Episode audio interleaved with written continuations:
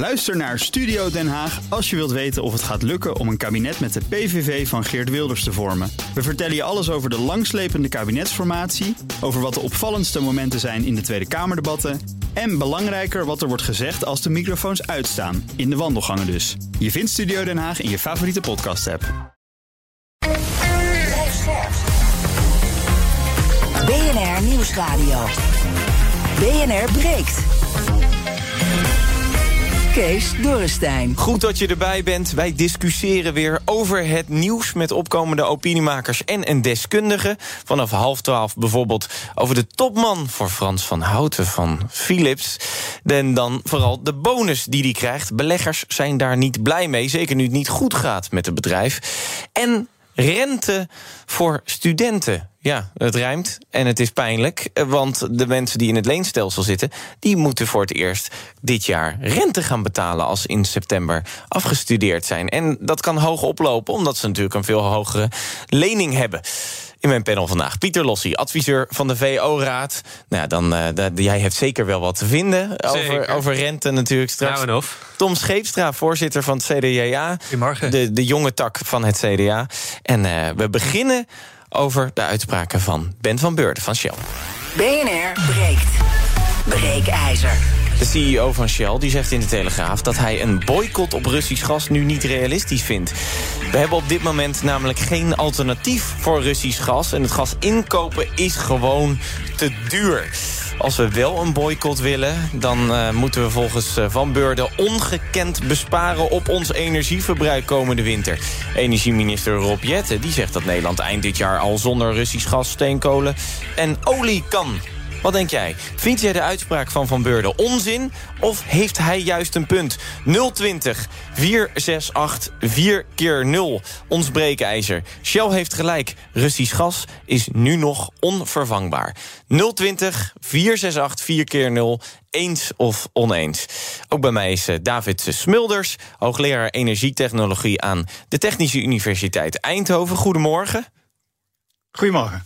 Want uh, we kunnen natuurlijk ook perfect met u kijken naar de oplossingen... en uh, de, welke energietechnieken er ingezet kunnen worden... om dan wel van dat gas af te kunnen.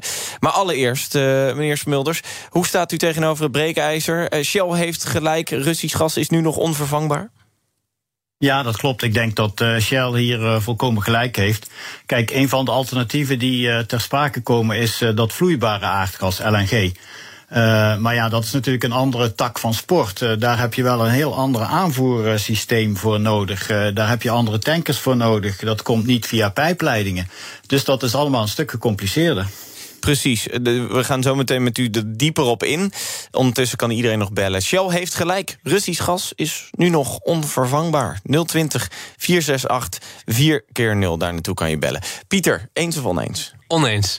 De vraag is namelijk, uh, welke prijs willen u hiervoor betalen? Uh, goed om te weten sowieso is dat Shell afgelopen kwartaal 4,1 miljard euro heeft verdiend aan gasopbrengsten. Dus we moeten wel even goed in context meenemen welke partij nee, zegt... Ze, ze hebben nog veel meer verdiend volgens mij. Ja, in totaal veel meer, maar aan, aan slechts gasopbrengsten ja. is het 4,1 miljard euro. En wat uh, Van Beurden ook zegt, is inderdaad, dan moet je ontzettend gaan besparen. Nou, ik zou in, in VVD-lijn zeggen, laten we dan gaan besparen, besparen, besparen. En, dat, en dat is ook mogelijk. Het van komende winter en de industrie ja, nou ja. die verbruiken wel uh, nee, veel gas. Hè? Maar er is een uh, plan in 2019 vastgesteld, namelijk het uh, bescherm- en gasplan. daar zit nog geen wettelijke verankering achter. maar daar wordt stap voor stap beschreven, en dat, is dus, dat ligt in de bureauladers van het ministerie van EZK, hoe je bij een gascrisis kan, kan omgaan met een minder toereikende gasinstroom. En dan moet je inderdaad keuzes gaan maken. Moet je inderdaad ervoor gaan zorgen dat consumenten besparen. Er zijn nu bijvoorbeeld een aantal uh, programma's. Ik noem uh, de stroomversnelling, waarin woningcorporaties voor vijf dagen in een huurwoning aan de slag gaan. Om die huurwoning helemaal te renoveren, zodat het helemaal zelfvoorzienend wordt. en uiteindelijk zijn de kosten voor de huurder geen eens duurder. Mm -hmm. Omdat ze dus qua energiekosten uh, zoveel besparen. Daar ligt de mogelijkheid. Maar je zou eventueel ook radicaler kunnen kijken naar bijvoorbeeld de sierteelt, naar uh, kunstmestbedrijven. Die twee uh, sectoren aan zich uh, gebruiken 10% van het gas, totale gasgebruik in Nederland. als je beseft dat Nederland zo'n 15 tot 20% afhankelijk is van dat Russisch gas als je in zo'n sector al zou ingrijpen en daar de middelen ook voor beschikbaar zou stellen. Qua verduurzaming dan? Qua verduurzaming, uh, qua uh, wil je dat uh, deze komende winter die twee sectoren, die twee industrieën op vol gas inderdaad draaien? Of zeg je in die transitie inderdaad naar die duurzame energie, waarbij je bijvoorbeeld ook naar waterstof kan kijken, zorgen we dat we jullie één winter helpen om die winter inderdaad door te komen. Volgens mij uh, zijn er dan heel veel mogelijkheden die ja wel geld kosten en, en moeite kosten. Waardoor we inderdaad van het Russisch gas op vrij korte termijn af kunnen.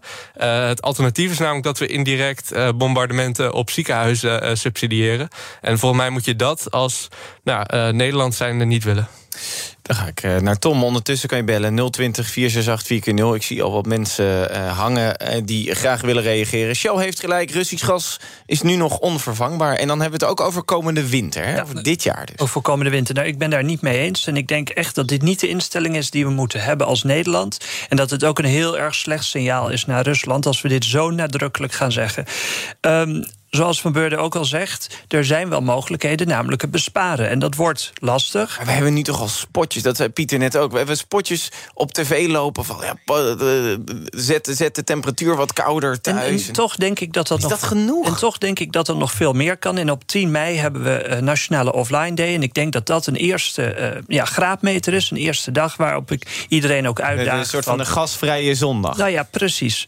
Um, dus ik denk dat daar al een, een eerste stap in is. En dan moeten we echt veel harder uh, ja, mee gaan uh, bezig gaan. Daarnaast uh, kijk naar alternatieven. Dus ook op de Noordzee, toch misschien weer gaswinning. Ook in Groningen. Ga dan wel heel erg die Groningers compenseren, want dat doe je niet zomaar. Ja, want Van Beurden zegt wel op het moment dat je Groningen nu dus niet aanboort. Als je die, dat langer ja. open zou houden, dan zou dit minder een probleem zijn. Precies, en ik denk dat daar dus al een nuance is om op de korte termijn toch aan gas te komen.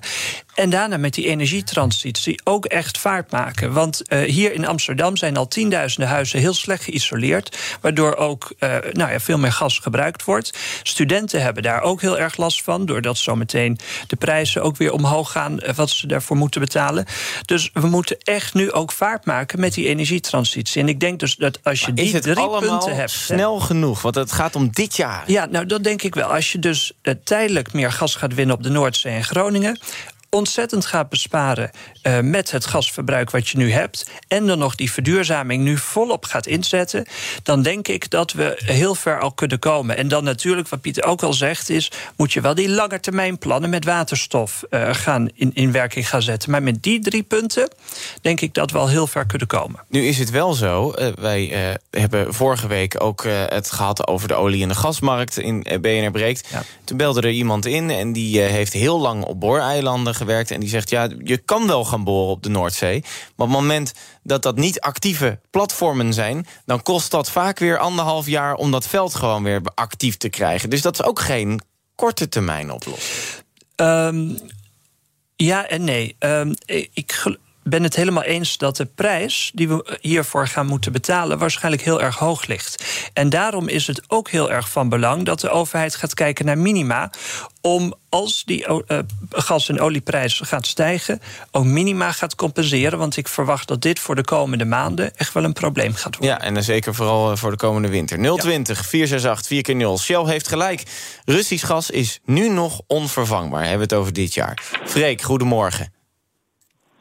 Goedemorgen. Jij bent het oneens ja, met de ik, stelling. Klopt, klopt. Ik uh, wil aangeven dat de afgelopen uh, weken enorm veel altern creatieve alternatieven zijn opgedoken. Waaronder dat bijvoorbeeld in Italië 100% afhankelijk van Russisch gas. Binnen twee weken zijn ze gaan praten met Algerije. En in Oostenrijk en Italië hebben nu 50% Algerijns gas, want er lag al een pijplijn. Ja. Er is ook een pijplijn. Dat is wel mazzel voor Italië, want die pijplijn die gaat richting van Algerije naar Italië toe natuurlijk. Ja, dus je ziet overal in Europa creatieve alternatieven ontstaan. En Spanje heeft ook Algerijns gas, maar dat kan vanwege techniek nog even niet naar Frankrijk. Maar je ziet overal mooie oplossingen. Dus ik denk dat de Nederlandse staat en Shell te veel andere belangen hebben om zo creatief mogelijk met ons mee te denken. Dus ik denk Welke andere belangen denkt u? Nou, uh, je hoorde net al even genoemd uh, veel geld. Uh, Shell heeft ook in Rusland zaken te doen. En de Nederlandse staat heeft natuurlijk ook politieke belangen. Ja, maar Shell heeft de belangen in Rusland wel afgebouwd. Dat hebben ze ook afgeschreven. Kosten ze 5 miljard. Ja, klopt, klopt. Maar dat is natuurlijk, dat riepen ze gisteren. Dat is natuurlijk morgen niet geregeld. Dus um, dat is natuurlijk ook een beetje lange termijn, denk ik. Dus, dus, dus u denkt van, zij willen zelf ook nog goed verdienen. Uh, de kanttekening is wel dat Ben van Beurden ook in de Telegraaf zei... dat ze ook al goed verdienden voor de oorlog. Dat de prijzen toen sowieso al hoger waren. Freek... Klopt wel. Klopt wel, maar ik denk dat het allemaal wat groter is. En uh, ook van de fossiele brandstof af is natuurlijk niet primair het belang van uh, Shell. En uh, de overheid heeft natuurlijk ook chronische belangen te wegen. Dus je ziet nu dat overal in allerlei Europese landen creatieve oplossingen komen. En die zijn er voor Nederland ook. En als er druk op staat, wordt alles vloeibaar. Freek, vloeibaar over gas gesproken. Dankjewel uh, voor de reactie. Meneer Huigens, goedemorgen. Goedemorgen. Ik, uh, goede discussie. Alleen de vraagstelling vind ik wat minder onzuiver. Natuurlijk zal uh, Shell... Oh, meneer Huigens, ik onderbreek u heel eventjes. Dat, u, u, heeft zo'n. Dat, dat, is, dat is een beetje zo'n gekke verbinding. Het lijkt net alsof u een soort van anoniem belt nu op dit moment. Uh, nee hoor, Huigens, nee, ik heb twee keer moeten bellen, maar dat geeft verder niet. Nee, maar, ik zou zeggen, bel zo meteen eventjes uh, terug, aangezien de verbinding te slecht is. Het klinkt nu net alsof u een soort van een politieinformant uh, bent. Ja, oh, kijk, kijk, de verbinding is hersteld. Hartstikke fijn. Moet ik opnieuw bellen? Nee, nee, uh, hij doet het nu. Vaak, dit zijn van die gekke telefonische dingen. Het wordt oh, een beetje technisch. Ja, ja, maar dan begint hij heel laag en dan gaat hij vervolgens heel hoog. Dat, dat is, ik, ik, we moeten de KPN eens eventjes gaan bellen... om te kijken of we dat ja, kunnen oplossen. Ja, dat is goed. waarom doen we niet meer aan getijen? We zitten toch aan de Noordzee... en getijen die gaan altijd op en neer. Waarom maken wij daar geen gebruik van? Eh? En dus ik bedoel maar alleen uh, dat Shell voor zijn eigen belang spreekt... dat is logisch. Maar dat, maakt, dat is een onzuiverheid in de, in de vraagstelling natuurlijk. Dus ze zijn nog lang niet uitgeput. En als we toch Shell geloven, dan komt natuurlijk niet vooruit. En er moet wat veranderen. Dus ja, maar, dus u, u, bent het oneens, want u zegt ook... Uh, dus... onbesproken zijn om verder te komen. Ja, u, u zegt inderdaad van Shell heeft eigen belangen uh, in... maar hoe moeten we dat dan oplossen? Waar moeten we ons gas dan wel vandaan halen? Uh, gas, we moeten van het gas af. Dat hebben we toch gesproken. En als nou zo Shell inspreekt, dan worden we weer ontmoedigd van ja, zon, zon en nou, het waait nooit en de zon, de, zon uh, brandt nooit. Zulke, zulke verhalen. Dus we moeten daar een krachtig verhaal tegenover zetten. En waarom doen we niet meer met getijen? Getijen gaan altijd, we zitten aan, aan de... Oh, om zo de, energie op te wekken dus, via water? Om, om, om energie op te wekken, daar hoor je nooit iets over. Dus er zijn nog uh, andere uh, krachtige middelen die we in moeten zetten... en niet onze oor laten hangen naar iemand die voor zijn eigen belang opkomt. Meneer Huygens, dank u wel. Fijn dat de lijn uh, verbeterd is. Dat is direct een goede vraag uh, die ik ga voorleggen aan David Smulders... hoogleraar energietechnologie aan de Technische Universiteit Eindhoven. Laten we kijken welke energietechnologische oplossingen er zijn... en dan ook voor de korte termijn. BNR breekt. Kees Dorrestein. En niet alleen uh, met mij, ook met de panelleden die je nog kan horen. Pieter Lossi, onder andere adviseur van de VO-raad. Tom Scheefstra, voorzitter van het CDJA, de twee opkomende opiniemakers. En dus inderdaad met David Smulders, waar ik mee verder ga praten. Uh, meneer Smulders, we hadden het net over LNG. Dus dat, is dat, dat, ja, dat, dat staat voor liquid nitrogen gas. Alleen dat kan je niet zo makkelijk... Natural gas. Ja. Natural ja. gas, inderdaad. Um, ja. Dat is niet zo makkelijk te vervoeren als bijvoorbeeld het Groningse gas. Nu hoorde ik bijvoorbeeld al van de spreker Die, die zei net, ja, uh, uh, Italië heeft gewoon een deal met Algerije... door een pijpleiding en het is opgelost. Um, u zei net, het is eigenlijk veel lastiger... want we moeten dat ook omzetten. Wat is dan precies het verschil tussen dat Groningse gas en dat LNG... en waarom dat zoveel meer moeite kost? Nou ja, uh, LNG dat is vloeibaar. Dus dat, dat betekent dat dat als een uh, vloeistof vervoerd moet worden, net als uh, een olietanker bijvoorbeeld. Terwijl aardgas meestal door pijpleidingen vervoerd wordt. En natuurlijk, als er al pijpleidingen liggen, dan heb je natuurlijk geluk. Zoals in Spanje of in Italië of in Nederland of naar Noorwegen of naar Engeland. Maar landen die dat minder hebben, die hebben dan pech. bijvoorbeeld Duitsland zit voor een groot deel op Russisch aardgaspijpleidingen aangesloten. Die hebben natuurlijk weinig alternatief dan. Uh, en het is natuurlijk ook voor sommige landen dus veel makkelijker om te zeggen wij, uh, wij, wij stappen af van Russisch gas. Bijvoorbeeld Nederland is maar voor 15% afhankelijk van uh, Russisch gas. Dus in dat opzicht kan ik heel erg meevoelen met de vorige insprekers die natuurlijk zeggen ja Nederland kan natuurlijk best op korte termijn zonder Russisch gas. Maar voor andere landen is dat veel moeilijker. En dat betekent dus ook als je naar Duitsland kijkt, ja, die zitten toch echt met een groot probleem. Die zijn voor bijna 50% afhankelijk van, van Russisch gas. En die hebben voorlopig geen alternatief. Die hebben geen tanker waarin ze dat vloeibare aardgas kunnen opslaan. En Van Beurden dus die, die heeft toch het- echt in de problemen komen. En die heeft het dan over uh, dat, dat we dan uh, stevig moeten gaan uh, bezuinigen op het gas. Maar dat komt ook omdat. Uh, kijk, Nederland is er maar voor 15% van afhankelijk. Maar op het moment ja, dat ja. Duitsland uh, of andere Europese landen die er meer van afhankelijk zijn gaan vragen. Ja, dan moeten we natuurlijk met z'n allen de pijn dragen, of niet? Ja, dat klopt. Kijk, kijk uh, gas heeft geen rugnummers. Dus er is één grote badkuip met gas in Europa, zou je kunnen zeggen, waar, waar het alles allemaal samenkomt. Dus het is heel moeilijk om die gasstromen uit elkaar te houden. Uh, vandaar dat het ook veel beter is om Europees te denken. Ik denk ook dat dat natuurlijk nu de kracht van de Europese Unie is om gezamenlijk op te treden. Uh, dus niet elk land moet zeggen, ja, maar wij zijn maar voor 15% afhankelijk, zoals ik net hoorde. Dus wij kunnen het wel oplossen. Nee, we moeten het als Europa oppakken. En Europa is voor 45% afhankelijk van Russisch aardgas. Dus we moeten Europese oplossingen vinden. En dan kunnen we natuurlijk wel zeggen, we gaan flink bezuinigen, we gaan flink besparen. Uh, dan kom je ongeveer aan 10% als je je best doet. Maar het grote probleem is ook dat niet al het aardgas wordt gebruikt om te verbranden voor verwarming. Want de komende zomer hebben we dat natuurlijk veel minder nodig. Maar een groot deel wordt ook gebruikt om bijvoorbeeld kunstmest te maken. Dus als wij straks zeggen minder aardgas, betekent dat minder kunstmest. Dus dat betekent ook dat wij hongersnood in sommige delen van de wereld gaan veroorzaken. Dus we moeten niet alleen naar onszelf kijken, Nederland. Uh, maar we moeten Europees kijken en zelfs nog daarbuiten.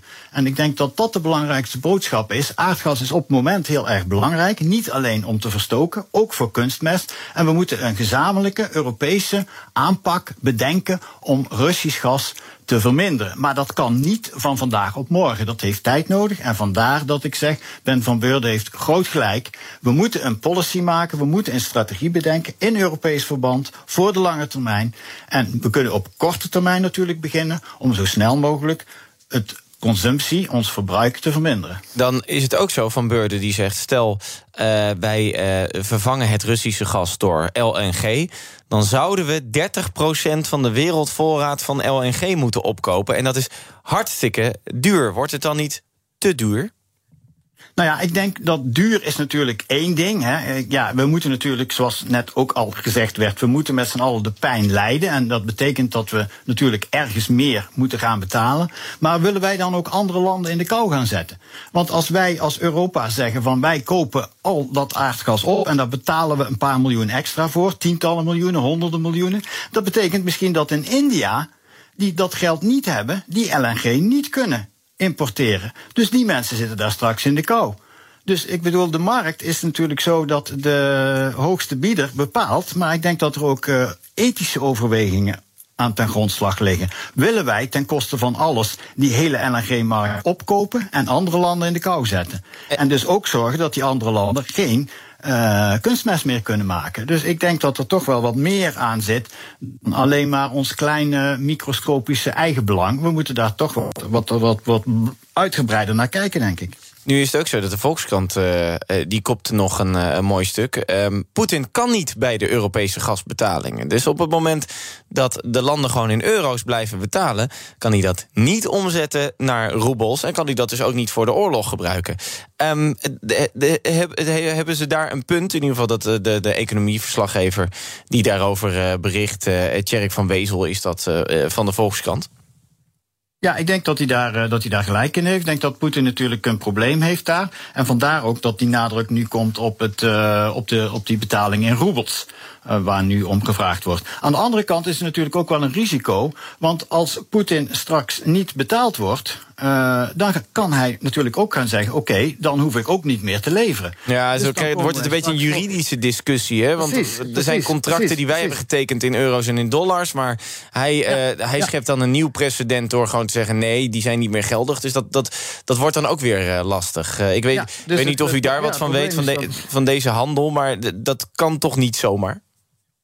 Nou ja, het is natuurlijk wel zo dat er dan straks natuurlijk wel uh, dat wij voor een voldongen feit gesteld worden. Hè? Want uh, ik denk, ja, ik ben geen econoom, maar als ik Poetin was, dan zou ik natuurlijk zeggen: oké, ik kan niet bij mijn geld, dan lever ik ook geen gas meer. Dus dan, dan zullen we toch het probleem uh, van vandaag of morgen moeten oplossen. En, en ik denk dat we dat op het moment dan wel echt met een, met een groot probleem opgezadeld worden. Nou, u, u bent hoogleraar energietechnologie.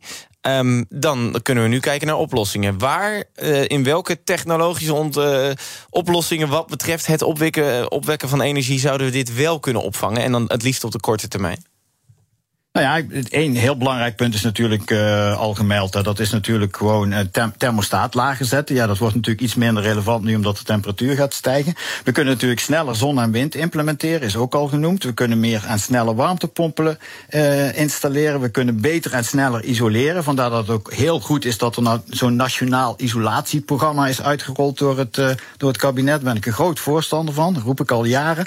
En daarnaast is het natuurlijk ook zo dat als we dan nog verder willen gaan, ja, dan zullen we toch ook moeten kijken van welke sectoren zullen moeten besparen in de industrie. Maar dan moeten we dus wel aan denken aan afschakelen van bepaalde sectoren van de industrie. En ja, dat, dat moeten we natuurlijk toch op het moment even niet willen. Dus of we nu willen of niet, voorlopig zitten we nog aan gas vast. Ja, stel dat we die keuze moeten maken. Um, waar, waar ligt dan de beste keuze? Wat moeten we afschakelen? Ja, wat moeten we afschakelen? Ja, daar, daar durf ik geen uitspraak over te doen. Ik zou in ieder geval zeggen, denk aan de voedselproductie. Dus ik noemde net al met grote nadruk die kunstmest, omdat dat niet alleen voor Europa, maar ook voor de rest van de wereld consequenties heeft. Dus dat, dat, kunnen, we, dat kunnen we echt niet gaan afschakelen, zoals net al gezegd wordt. Ja, je, ik denk dat er daarna gewoon gezegd moet worden, nou, we kunnen voorlopig niet van het, uh, van het gas af, dus we moeten zo snel mogelijk alternatieven vinden. Ik zie ook nog wat reacties binnenkomen. Onder andere Geert, die is het eens met de stelling. Heel Europa is afhankelijk van het gas. De prijzen die zijn nou eenmaal heel erg duur op dit moment. Uh, en dat gaat wat hem betreft geen invloed hebben op de oorlog. Als we in ieder geval in euro's en dollars betalen. Frank die zegt uh, uh, dat die heeft een oplossing. In Drenthe hebben ze een systeem om gas op te wekken. ik vind het ook nog wel mooi om nog even naar dat, watersysteem... wat meneer Huygens net noemde, even over te hebben. En... Um, Willem die woont landelijk en die wil van het gas af. Uh, en, uh, maar die, uh, die mag geen andere voorziening van de gemeente, zegt hij dan weer. Dus dat, hij zegt ook de gemeentes die moeten dat ook makkelijker maken. Um, toch denk ik dan ook, meneer Smulders...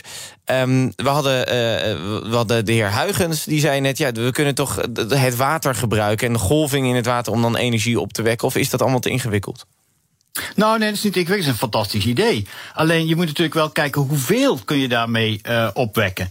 En, dan heb je het misschien over, uh, ja, wat is het, minder dan 1% van de Nederlandse behoeften. Kijk, in andere landen is dat misschien meer. Uh, bijvoorbeeld in Engeland zijn die getijdenbewegingen veel krachtiger. grotere waterhoogteverschillen. Maar in Nederland is dat relatief beperkt. En het is natuurlijk ook zo dat onze kust al ja, redelijk volgebouwd is. Dus als we daar ook nog allerlei installaties moeten neerzetten, dan, dan krijgen krijgen we ruimtegebrek. Dus ik denk ook dat een groot probleem is van kunnen we het überhaupt wel kwijt, die alternatieve methode om energie op te wekken. Dus het is natuurlijk niet voor niks dat wij zo afhankelijk zijn van aardgas, omdat dat ja, relatief compact is en veel energie bevat. Dus alternatieven, dat kost tijd, geld en ruimte. Ja, tot slot. Uh, Shell zegt dus het kan niet. Uh, minister Jette zegt het kan wel voor het einde van het jaar. Wie heeft het wat u betreft het meest aan het rechte eind? Nou, ik denk dat ze het alle twee over verschillende dingen hebben. Kijk, minister Jettet heeft het over Nederland. En, en Nederland is natuurlijk maar voor 15% afhankelijk. Dus daar kan het wel. Uh, ik denk dat Shell het heeft. Die kijkt natuurlijk wat uh, uitgebreider, wat breder dan, uh, dan minister Jette doet. Die, kijk, die heeft het over de wereldmarkt. Die heeft het over de Europese Unie. Dus Jette heeft gelijk als het over Nederland gaat. Shell heeft gelijk als het over de rest van de wereld gaat. Ja, maar moet minister Jette dan iets Europeeser gaan denken? Denk ik wel, ja. Denk ik wel. Want uh, gas heeft geen rugnummers. Ja, dat uh, lijkt mij duidelijk. Dankjewel, eh, de heer David Smulders, hoogleraar energietechnologie aan de Technische Universiteit Eindhoven. Zometeen praat ik met het panel verder over het nieuwswekenoverzicht. De toon van de week komt eraan. En ja, die bonus voor de Philips CEO. Aandeelhouders zijn er niet blij mee. Het is maar 1,8 miljoen. Moeten we daarover zeuren? Uh, of moeten we, zoals hij het zelf eigenlijk zegt, uh, van houten... joh, dat is gewoon een probleempje waar Nederlanders het over hebben. In het buitenland hebben ze het daar echt niet over. Ook Thomas van Zeil vind je in de BNR-app. Je kunt live naar mij luisteren in Zaken doen. De BNR-app met breaking news. Het laatste zakelijke nieuws. En je vindt er alle BNR-podcasts. Bijvoorbeeld Het Nieuwe Geld. Download nu de gratis BNR-app en blijf scherp.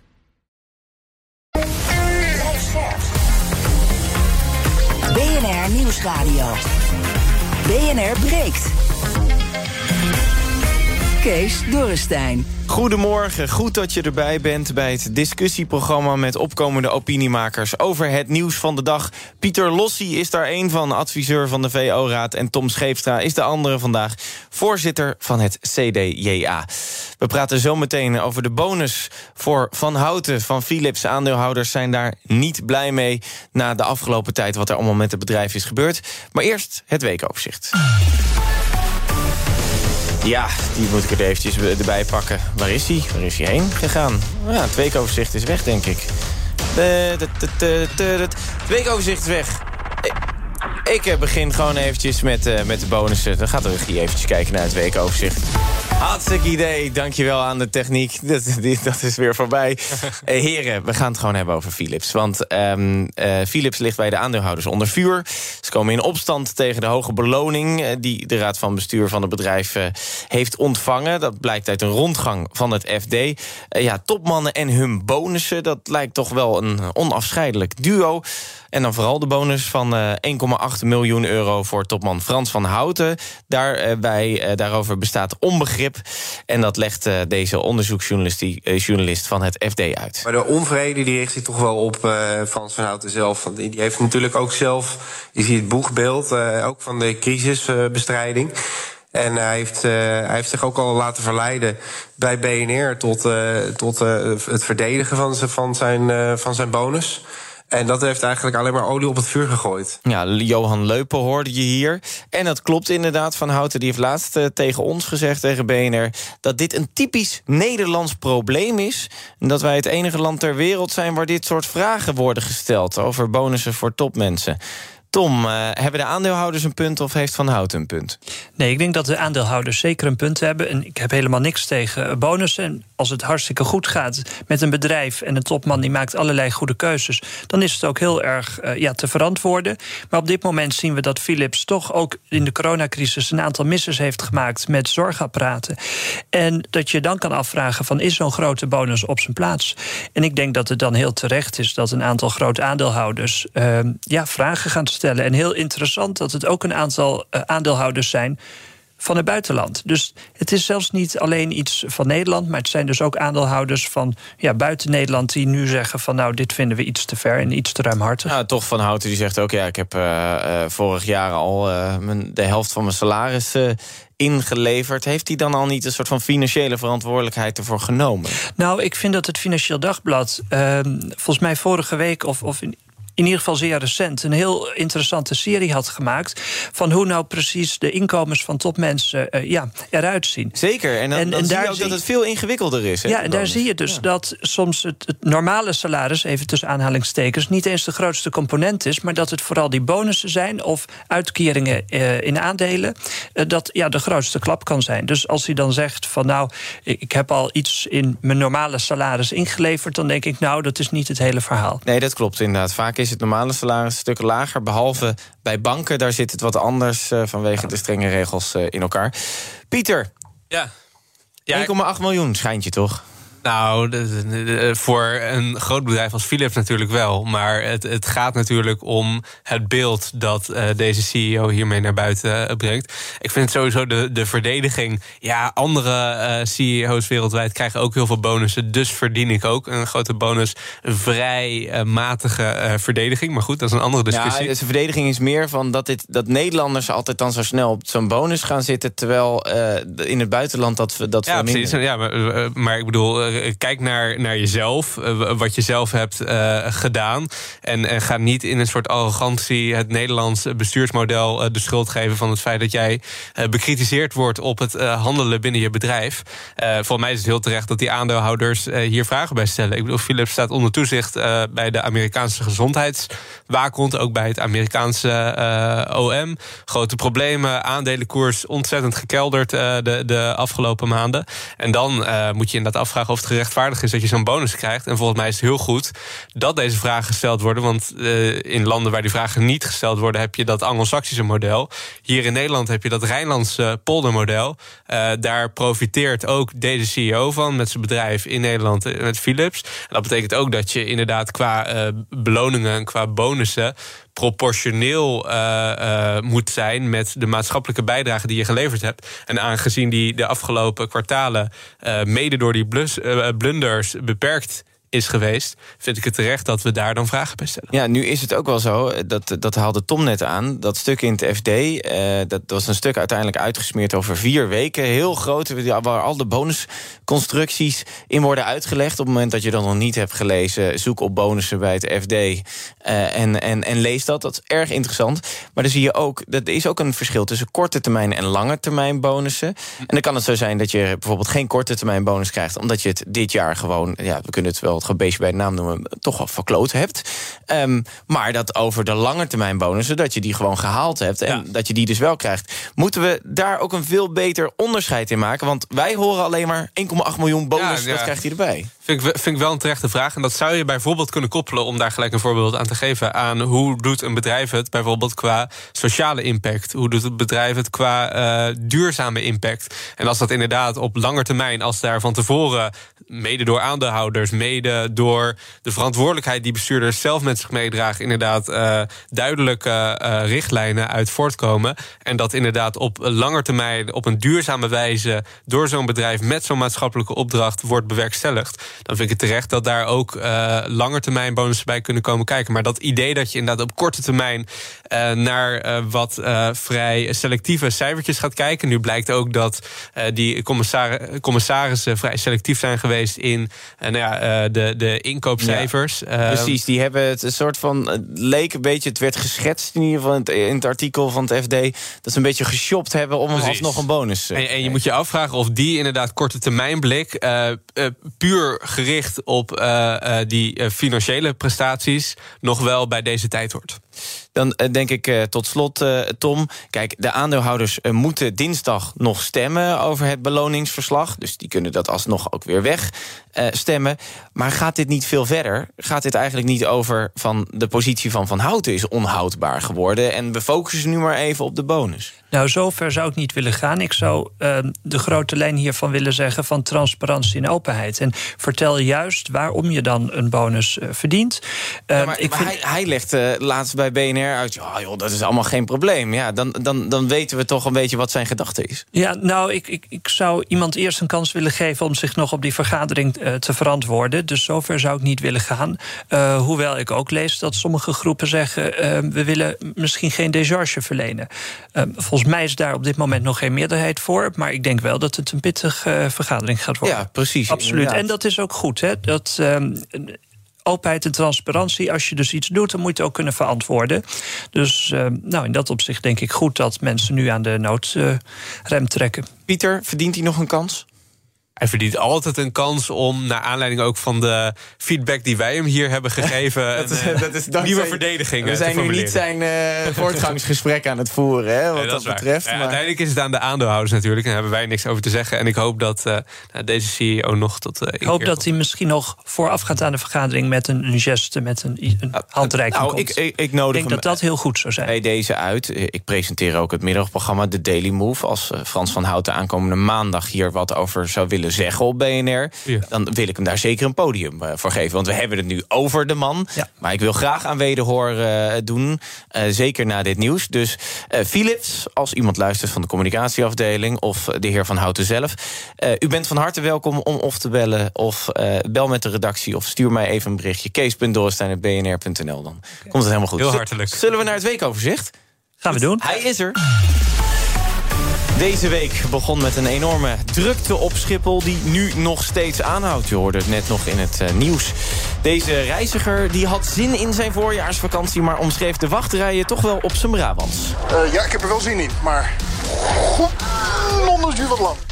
VVD'er Daniel Koerhuis werd hierdoor door die problemen op Schiphol... ook het mikpunt van spot, omdat hij Schiphol bezocht... en zijn tweet daarover toch wat weg had van een oorlogsgebiedomschrijving. En als je ophef veroorzaakt, ja, dan word je natuurlijk gewoon uitgenodigd door op één. Het was zo erg dat u er een tweetje uitgooide die wij ja. voorbij zijn gekomen. Ja. Vreselijke verhalen aangehoord van men, mensen die urenlang in de rij staan... en bang zijn hun vakantie te missen. Bij het eerste deel van de zin denk, dachten veel mensen dat het uh, over de oorlog ging. Nou, dat dit gaat over uh, die mensen die er in de rij staan. Ja, ik, ik heb een uh, huilend gezin uit Leeuwarden gezien met drie kinderen... die bang waren hun, hun vakantie te missen. Ja. Nou, dat vind ik echt erg als ik dat zie. Ja. ja. Ja. Deze week werd ook bekend dat het Amerikaanse Hoge Rechtshof... twee rechterlijke uitspraken die het federaal recht op abortus... in de Verenigde Staten garanderen, mogelijk gaat schrappen. Onze man in Amerika, Jan Posma, over wat er op tafel ligt. Het is uh, rechter Alito, dat is een heel conservatieve rechter. En uh, ja, het is een concept, dus een soort eerste versie. Eigenlijk zijn eerste versie die naar buiten is gekomen. En hij schrijft dat die eerdere uitspraak van het Hoge Rechtshof... allebei onterecht waren. En zo zouden staten zelf abortus illegaal kunnen maken. Brussel wil dit jaar nog stoppen met de import van Russische olie. Alle Russische olie in Europa. Dat kondigde de voorzitter van de Europese Commissie, Ursula von der Leyen, af. Today we are addressing our dependency on Russian oil. And let's be clear, it will not be easy. Inderdaad, want er zijn flink wat landen tegen... en het is er nog steeds niet doorheen. Ander Oekraïne-nieuws van deze week. De Russen die zeggen dat ze de aanvoerroutes voor westerse wapens in Oekraïne bombarderen op dit moment. Oekraïne zou pas midden juni met een tegenoffensief in de Donbass starten. En maandag wordt een belangrijk moment. CNN meldt namelijk deze week dat Rusland dan officieel de oorlog kan uitroepen... op de feestdag daar, 9 mei. Geopolitiek analist van het HCSS, Alex Krijger, vertelt waarom. Het is vooral ook bedoeld om uh, vanwege de Russische wetgeving... kan, als uh, Poetin een oorlog afkondigt... kan die reservisten en dienstplichten gaan oproepen... Het belangrijkste economische nieuws kwam van de Fed deze week. De rente wordt verhoogd met 50 basispunten. En waarom? Inflation is much too high. En de aandeelhoudersvergadering van Just Eat Takeaway is ook geweest. Met als resultaat dat er weinig verandert in de top van het bedrijf. Volgens Nico Inberg, beursanalist bij de aandeelhouder... is CEO Jitse Groen niet veranderd door de laatste ontwikkelingen... en ging hij heet gebakerd de aandeelhoudersvergadering in. Hij blijkt eigenlijk niks geleerd te hebben ervan. Er was een, een, een, een, een Nederlands grote aandeelhouder van een Amerikaans hedgefund... Tazelaar, Pieter Tazelaar, echt niet de eerste de beste. Hebben anderhalf procent van de aandelen. En die werd als een kleine jongen in de hoek gezet. Die stelde een vraag en het eerste wat Jitse zei was van... ja, uh, je communiceert via de krant... Uh, daar hou ik niet van. En, en uh, nou, die werd, die werd eigenlijk min of meer afgeserveerd. Tot slot. Hand in hand, kameraden, hand in hand, voor Feyenoord 1. Nou, dankjewel Diederik Gommers voor de muzikale ondersteuning. Feyenoord die heeft gisteren geschiedenis geschreven... door zich te plaatsen voor de finale van de Conference League. 0-0 tegen Marseille was goed genoeg. En dat creëert dan toch problemen voor sommige fans... Want dat betekent een... Oproepje doen aan mijn vriendin. Lieve schat, wij gaan een dag na de finale naar IJsland. En nou wil ik toch nog even vragen, ik heb het al zo vaak gevraagd. Kunnen we er niet één dagje verzetten? Alsjeblieft.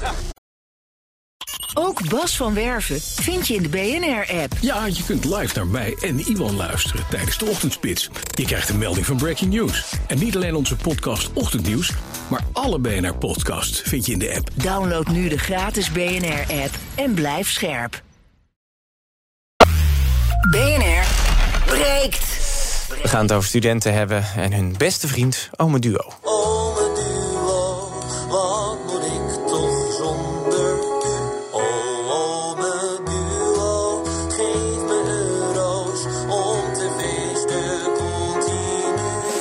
maar voor die euro's van Ome Duo moet stevig betaald gaan worden vanaf september. Want studenten die dit jaar voor het laatst dat geld van Ome Duo gestort krijgen... betalen vanaf september rente over hun studieschuld. Die rente is natuurlijk gekoppeld aan de vijfjaars obligatierente. Die was lange tijd nul, dat is hij nu niet meer. En kan je gewoon richting, nou, nu is het 0,8 procent volgens mij... maar in september is dat nog maar even afwachten. Pech voor de studenten, ja, dubbelop voor de studenten... die het leenstelsel de afgelopen jaren... en dit, vandaag, eh, dit jaar dus laat, zou mogelijk het laatste jaar eh, kunnen zijn... eh, dat ze daar last van hebben, tussen aanhalingstekens. Pieter, ja, jij bent van de studenten, hè? Ja, ik, eh, heb zelfs, eh, ik zat even op te zoeken. Ik heb zelfs nog geprotesteerd tegen Wat- studierenteverhoging. Ja, dit was bij de Eerste Ja, ja. Kamer. En dit was nog onder Ingrid van eh, Engelshoven, bewindspersoon. En eh, toen was het plan om eh, de rente eh, voor studieleningen te koppelen aan de tienjaarsrente. Ja. Dat zou een renteverhoging Het is er niet betekenen doorheen gekomen, voor. hè? Het is er niet Nee. doorheen gekomen. Mede door dit protest. Ja, jij had, het- je hebt een mooi bord bij je, een krijtbord is het denk ik. Eh, Petitie, 112.157 mensen die eh, tekenden de petitie tegen de verhoging van de studierente. Ja, en dat is eh, niet meer dan logisch. eh, omdat de gemiddelde schuld, studieschuld onder Nederlandse jongeren is zo'n 16.000 eh, euro. Stel je voor, hypothetisch, dat je daar een kleine eh 2% rente aan zou koppelen. Dan betekent dat 300 euro. Maar twee is heel hoog, hè? Alsnog. ja, maar je hebt nu al dat je richting de anderhalf gaat. Hè? ook met alle rentestijgingen die nog komen gaan... is het niet ondenkbaar dat je richting die 2% gaat. Ja. Eh, of daar in de buurt komt in ieder geval. Dat zou betekenen, hypothetisch, dat alle jo- jongeren gemiddeld genomen... die onder dat leenstelsel eh, vallen, 300 euro extra moeten betalen. Ik denk sowieso dat heel veel jongeren dat niet weten. of, nee, in eh, totaal, in- in op het totaal, totale bedrag. Ja. Dat is Voelt inderdaad te overzien. Ja. Dat is goed te overzien. Tegelijkertijd, het feit dat jongeren 1000 euro gemiddeld compensatie krijgen... voor inderdaad een studielening... maar daar nog 300 euro vanwege die eh, rente die straks eraan wordt gekoppeld... eh, dat die 300 euro nog vanaf gaat. Betekent praktisch dat al die studenten eh, van een door de politiek gemaakt experiment... dat vrij funest is geweest... 700 euro compensatie krijgen voor een gemiddelde studieschuld van 16.000 euro. Ja, is toch wel lastig te verkopen. Tom, ehm, ik heb ook gestudeerd. Ik moest ook gewoon rente betalen over mijn eh, studielening. Het is niet iets nieuws. Nee, het is niet iets nieuws, want dit niveau hebben we ongeveer ook tien jaar geleden gehad. En voor het CDA is dit natuurlijk een heel belangrijk onderwerp, want we hebben het als breekpunt in de formatie kunnen krijgen voor het CDA. Ja, dat, dat, eh, dat dat het leenstelsel, gaat, ja, dat leenstelsel werd afgeschaft. Ehm, maar toch zou ik wel een kleine nuance eh, hier tegenaan willen houden. Want wat we ook zien is dat dus de schuld minder waard wordt door de inflatie. En dat waarschijnlijk de eh, lonen in de toekomst ook zullen gaan stijgen. Dus dat je eigenlijk daardoor wel wat gecompenseerd gaat worden. Het ligt eraan natuurlijk. En, en dan is er nog een situatie. Eigenlijk in Nederland hebben we dan nog heel erg veel geluk dat het tot 1% blijft. Want in het Verenigd Koninkrijk is het gekoppeld aan onder andere de Ja, inflatie. daar kan het eh, voor sommige mensen eh, met hoge inkomens Ja. tot 12 procent. Exact. En dan denk ik van.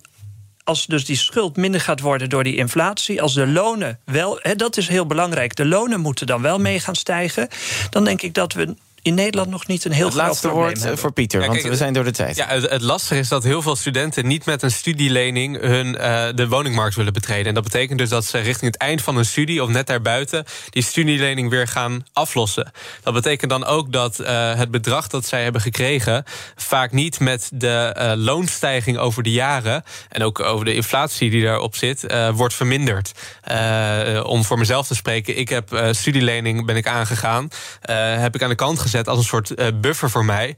Eh, over drie jaar voordat ik eh, inderdaad de wijde wereld invlieg, wil ik dat weer afbetalen. Omdat ik niet die woningmarkt met die studielening op kan. Het is niet dat inflatie of die hogere lonen nou echt significant voor mij het verschil maken. De vraag is, is het geld daar natuurlijk voor bedoeld, hè? Ja, om het te sparen in Nou, plaats van sparen buffer. Nou ja, in plaats van de studie.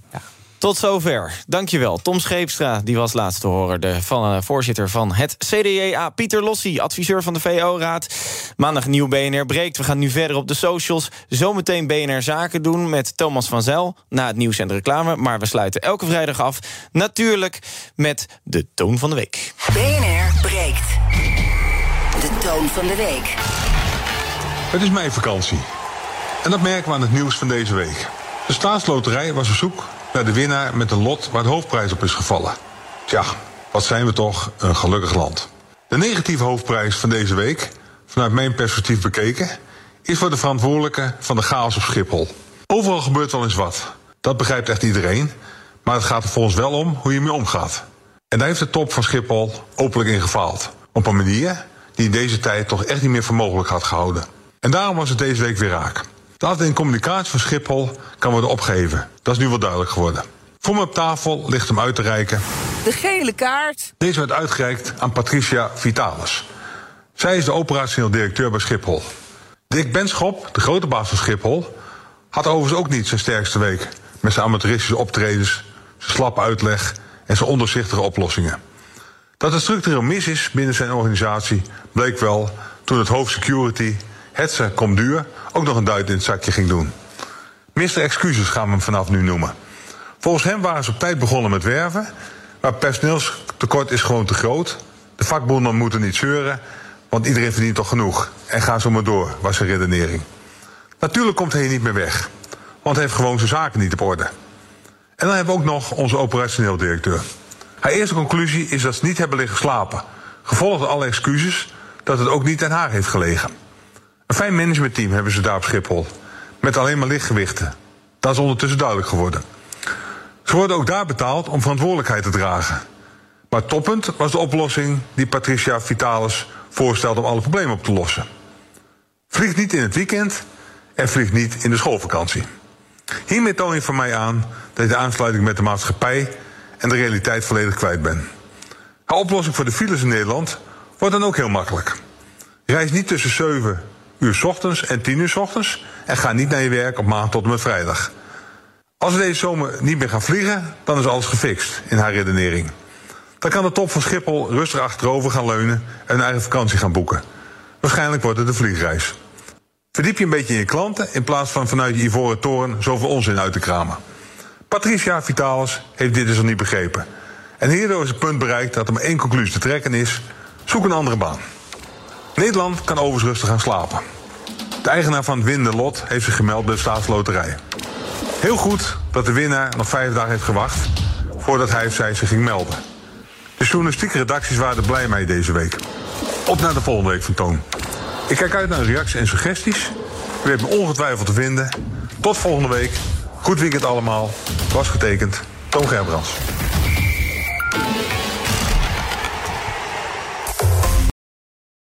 Ook Harm Edens vind je in de BNR-app. Je kunt BNR Duurzaam niet alleen live luisteren in de app, maar ook terugluisteren als podcast, zoals al onze podcasts. En naast dat de BNR-app Breaking News meldt, houden we je ook op de hoogte van het laatste zakelijke nieuws. Download nu de gratis BNR-app en blijf scherp.